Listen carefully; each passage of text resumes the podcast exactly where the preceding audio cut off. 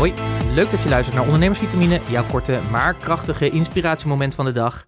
En de vitamine die ik je vandaag wil meegeven in de vorm van de inspiratievraag is: zwem jij tegen de stroom in?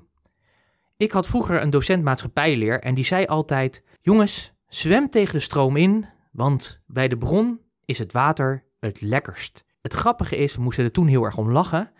Maar die zin is wel in mijn hoofd blijven hangen. En ik hoor nog steeds zijn stem elke keer dit zinnetje herhalen. Daarmee heeft hij echt iets in mijn hoofd geprent. En ik ben het er absoluut mee eens, want het is heel erg waar namelijk. Want bij de bron is het natuurlijk ook het lekkerst. En als ondernemer ben ik van mening dat je dit al doet. Je zwemt al tegen de stroom in doordat jij keuzes maakt om voor eigen geld en risico te ondernemen. Voor je eigen inkomen te zorgen en misschien ook wel voor inkomen van anderen, omdat je misschien een team hebt. En dat vind ik al een hele diepe buiging waard. Maar mijn vraag is: durf jij nog verder tegen de stroom in te gaan? Durf je het echt op jouw manier te doen, echt op jouw authentieke manier? Durf je echt los te laten en het zo te doen dat je je eigenlijk helemaal niks meer aantrekt van Jan en Alleman, wat ze ook van je vinden? En ik merk dat dat vaak heel erg lastig is voor mensen om echt dat te doen.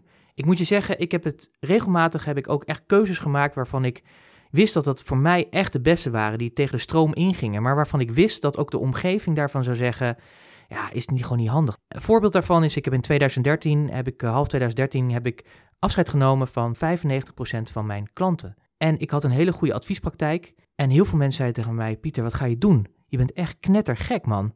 Maar ik voelde van, ja, dit klopt niet, weet je. Dit is niet waarvoor ik hier op aarde ben. Ik ben gemaakt voor grootsheid en grotere dingen en dit draagt daar onvoldoende aan bij. Ik moet iets anders gaan doen.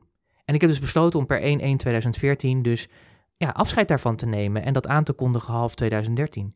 En die achteraf gezien ben ik super blij, want het is een van mijn beste beslissingen geweest in mijn leven. Om die keuze te maken, omdat ik nu echt een veel groter verschil maak dan dat ik toen deed. En dat vind ik ook het mooie. Maar het is niet altijd even makkelijk, weet je. Al die mensen die tegen jou zeggen van, je gaat het niet redden, het gaat je gewoon niet lukken. Ik wil je aanmoedigen om wel tegen die stroom in te blijven gaan.